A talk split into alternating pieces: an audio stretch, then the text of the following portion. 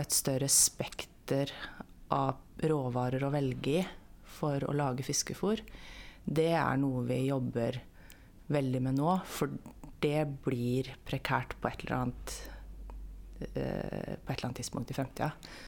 Hun mener det er viktig å se litt forbi lakselusen.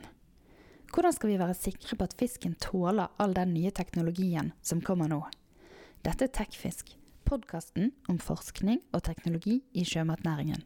Jeg heter Camilla Odland, og i dag har jeg med meg Bente Torstensen i Nofima. Eh, du har jobbet med forskning både ved forskningsinstituttene NIFES og Nofima, men også i sjømatselskapet Marine Harvest. Er det noen forskjeller og likheter i hvordan man jobber med forskning der? Ja og nei, på et vis. Um, for både NIFES og Nofima er jo forskningsinstitutter som driver med anvendt forskning. Vi er jo ikke til for oss selv, vi er jo til for å bidra til å utvikle næringslivet på forskjellige måter. Eh, så sånn sett så lever en jo i den samme forskningsvirkeligheten, hvis du skjønner. Eh, den største forskjellen med å være, drive med forskning i næringslivet og i instituttsektoren, er jo det der med at du i næringslivet kan allokere de midlene du vil til å løse de oppgavene som du trenger å løse. Mens i forskningsmiljøene så må vi jo hele tida på en måte tilpasse oss til der vi finner finansiering. Så det er nok den største forskjellen. Men det er de samme temaene og samme feltene man er innom? Ja, nå i Nofima så er det jo Vi driver jo forskning for å løse liksom fjerne flaskehalsene for næringslivet, for akvakulturnæringen. Så det er jo sånn, fremtidens fôr, det er eh, teknologiutvikling, det er eh, fiskehelse. Altså, det er jo det. Men Marine Harvest, der var det bare ett års tid. Hvorfor ble det så kort? Vet du hva, Det var kjempegøy å jobbe i Marine Harvest. Jeg syns det var helt strålende arbeidsplass. Eh, men så ble jeg veldig frista til å gå tilbake og være i en eh, forskningslederstilling. Eh, det, det er et kjempeprivilegium, syns jeg. Kunne være med å bygge kunnskap. Det er veldig gøy. Ja, så da ble du Nofimas første direktør i Bergen i fjor, når du ble direktør for akvakulturdivisjonen. Og der har det vært et drøyt halvår nå. Hvordan har den tiden vært? Det har vært spennende og hektisk og veldig lærerikt. Eh, Nofima er jo en stor organisasjon. Um, jobber jo for å måtte bygge kunnskap for næringsutvikling innenfor matproduksjon i hele sin bredde. Så det er jo fiskeriene, eh, det er eh, landbruksmatforskning, frukt og bær og grønt og sånt. Eh, og kylling og den biten. Og så er det jo akvakultur og i hele verdikjeden. Med avlgenetikk, fôr, fiskehelse, produksjonsbiologi. Og vi holder jo til i håper å si hele Norge. Så jeg har jo reist mye eh, rundt for å bli ordentlig godt kjent.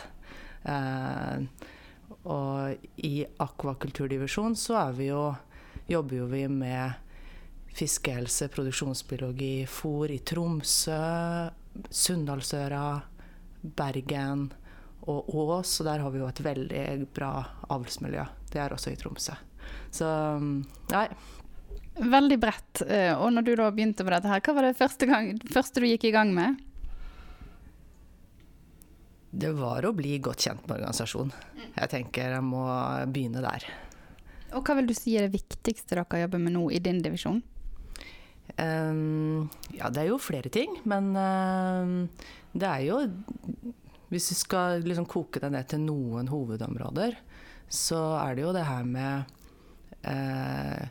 kunnskap for å forstå hvordan vi kan drive forebyggende fiskehelsearbeid.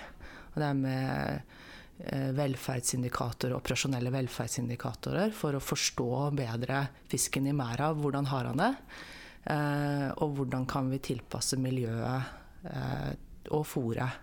Og genetikken sant, til fisken for å gjøre han mer robust. Uh, og så har vi jo noen veldig spennende prosjekter, altså både her i Bergen med utvikling av Fòrteknologisenteret, den nasjonale uh, infrastrukturplattformen. som eh, åpner seinere i år. Eh, skikkelig. Og så er det jo Kontroll Aqua, selvfølgelig, med utvikling av eh, kunnskap for lukka anlegg, og, men også semilukka anlegg i sjø.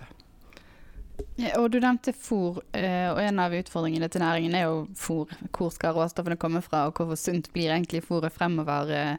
Hvordan ser du på disse problemstillingene? Ja, etter nå, nå, er det jo på en måte en, en, fase hvor det ikke er en voldsomt stor vekst. Ikke sant? Fordi at det På grunn av lus og rømming. Men det å få et større spekter av råvarer å velge i for å lage fiskefôr, det er noe vi jobber veldig med nå. For det blir prekært på et eller annet Eh, et eller annet tidspunkt i fremtida. Så nye omega-3-kilder, kjempeviktig. Helt avgjørende. Eh, og fisken har jo sine ernæringsbehov, ikke sant. Sånn at vi må ha skikkelig kunnskap om hva fisken trenger av ulike næringsstoff. Bl.a. omega-3. Og vi vet jo allerede at den trenger jo det sjøl. Uh, og det er jo bra for oss. Uh, fordi at uh, det betyr at laksen alltid vil være en god kilde for oss. med de nivåene den trenger sjøl for å dekke sine ernæringsbehov. Men en, del er kritisk til hvor sunn laksen blir når det blir mer plantebasert. og Spesielt når du var tidligere på NIFE, så var det en del kritikk av at dere var for positive til sjømaten uh, og dens sunnhet, holdt jeg på å si. Hvordan er, hvordan er det å møte den type kritikk som forsker? Det er jo på en måte faglige, kritiske spørsmål, tenker jeg. Så det, må, det er helt uproblematisk. Det møter en jo med faglig dokumentasjon. Uh, så det, det, er jo helt greit. Den type diskusjoner skal en jo ha. Uh, og forskjellige forskningsmiljøer kan ha forskjellige oppfatninger. Sånn er det. Det er helt, helt greit. Eh, men i de store eh, Hvis du tenker eh, den store jobben som ble gjort av Vitenskapskomiteen for mattrygghet, som så på sjømat, og spesielt oppdrettslaks, om den var fremdeles sunn, og om den er trygg, så var jo konklusjonen at den inneholder eh, omega-3, selen, sånn, en del essensielle næringsstoffer. Vi trenger å spise mer av den, eh, og den er sunn. Den, eh, den er næringsrik, eh, og den er trygg. Hvor mye oppdrettslaks spiser du sjøl, da? Jeg spiser oppdrettslaks hver uke. Uh, og flere ganger hver uke. Så pålegg og middag hjemme. Det må man nesten i din jobb, kanskje? Nei, man må jo ikke det. Jeg gjør jo det for jeg syns det er godt. Men man må jo ikke det. Vi snakket om at uh, næringen ikke får vokse bl.a. pga. lakselus, og den har også flere andre utfordringer. Hva vil du si er den største utfordringen til havbruksnæringen?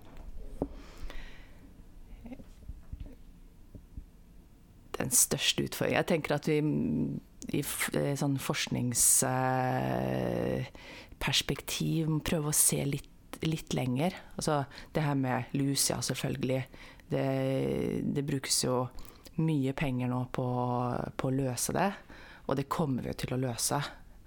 Um, men så er det jo å tenke enda lenger på uh, det her med ny teknologi, hvordan det utvikles, og at det må utvikles på en sånn måte at det er på fiskebiologiens premisser. Eh, og at vi produserer en robust fisk som tåler det miljøet som den lever i. Det tenker jeg er viktig. Og så er det jo det her med fremtidens fôr.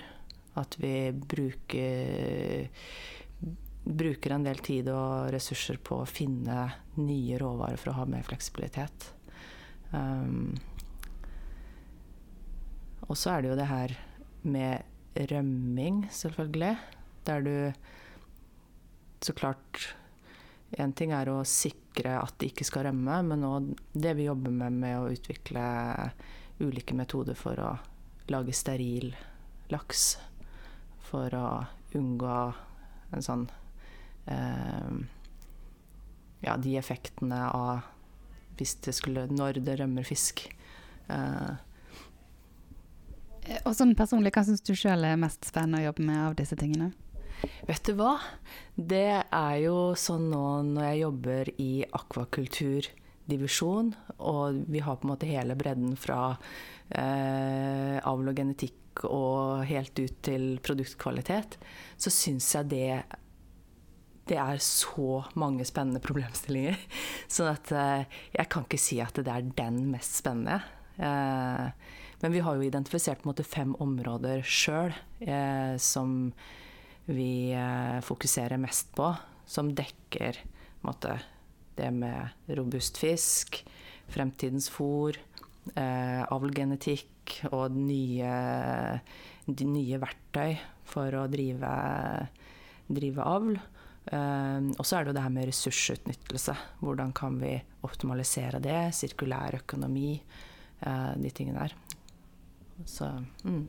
Og hvordan vil du si at samarbeidet deres med havbruksnæringen er? Ja, vi samarbeider jo med alle. Eh, og samarbeidet er godt.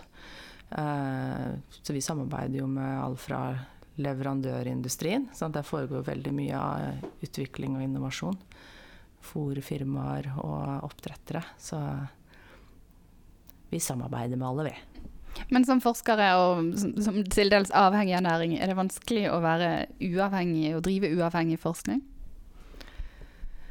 Ja, det er utrolig morsomt, for vi er jo avhengig av finansiering. Uh, og det er vi jo alle. Uh, og alle får finansiering fra et eller annet sted. Uh, det er greit. Det er sånn det er. Sånn er verden. Men derfra så er det jo ingen som kan komme til oss og bestille et resultat. Og ingen kan komme og bestille en konklusjon. Og på den måten er forskninga uavhengig. Og det er utrolig viktig å skille på. Kan du selv huske at du har kommet med forskning som kanskje byttet litt imot, som næringen ikke var veldig glad for å, å ta imot? Ja, eh, det vil det jo alltid være. Eh, og nei, på et vis. Det kommer litt an på hvordan du ser det. Fordi at sånn som jeg opplever næringslivet, eh, så vil jo de òg ha frem den kunnskapen som er riktig. For hvis ikke så kan du risikere å gjøre feil valg. Og du kan komme ut i et uføre, og det er det jo ingen som vil.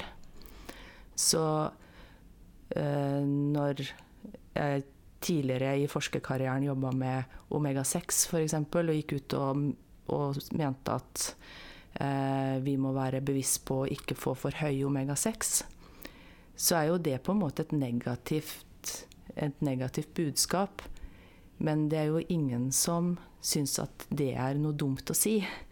Eh, fordi at man vil jo eh, ivareta eh, ernæringskvaliteten og fiskehelsa. Det er alle sitt mål, ellers er det ikke bærekraftig. Så enkelt er det. Og nå jobber du mye bredere, og blant annet så var du inne i sted på Kontroll Aqua, som er for, skal jobbe for lukkede merder. Er det det som er fremtiden for næringen, tror du? Ja, det òg. Jeg ser for meg kanskje at det blir mer variasjon. Sant? I ulike, sånn som vi ser nå med, med, alle spennende ideer i utviklingskonsesjoner og sånne ting. At en, at en ser en mye større variasjon i type um, måter en gjør oppdrett på. Uh, og at noe vil være på land. Noe vil være tradisjonelle merder. Noe vil være nye, nye måter å drive oppdrett på. Tror jeg. Og hvis vi skal se litt frem i tid, fem eller ti år, hvor tror du norsk oppdrettsnæring står da? Da håper jeg jo at vi har løst lus, uh, og så jobber vi helt sikkert med andre utfordringer. Det skjer jo så mye, og det er jo en næring som har så, så mye utviklings- og innovasjonsdriv. Og det er jo derfor det er spennende å jobbe med den, med den næringen. Og da lar vi det være siste ord. Tusen takk skal du ha. Tusen takk. Du har nå hørt på Tekfisk, podkasten om forskning og teknologi i sjømatnæringen. Du kan abonnere på Tekfisk i podkastspilleren på telefonen din. Spre gjerne ord om tekfisk til alle du kjenner.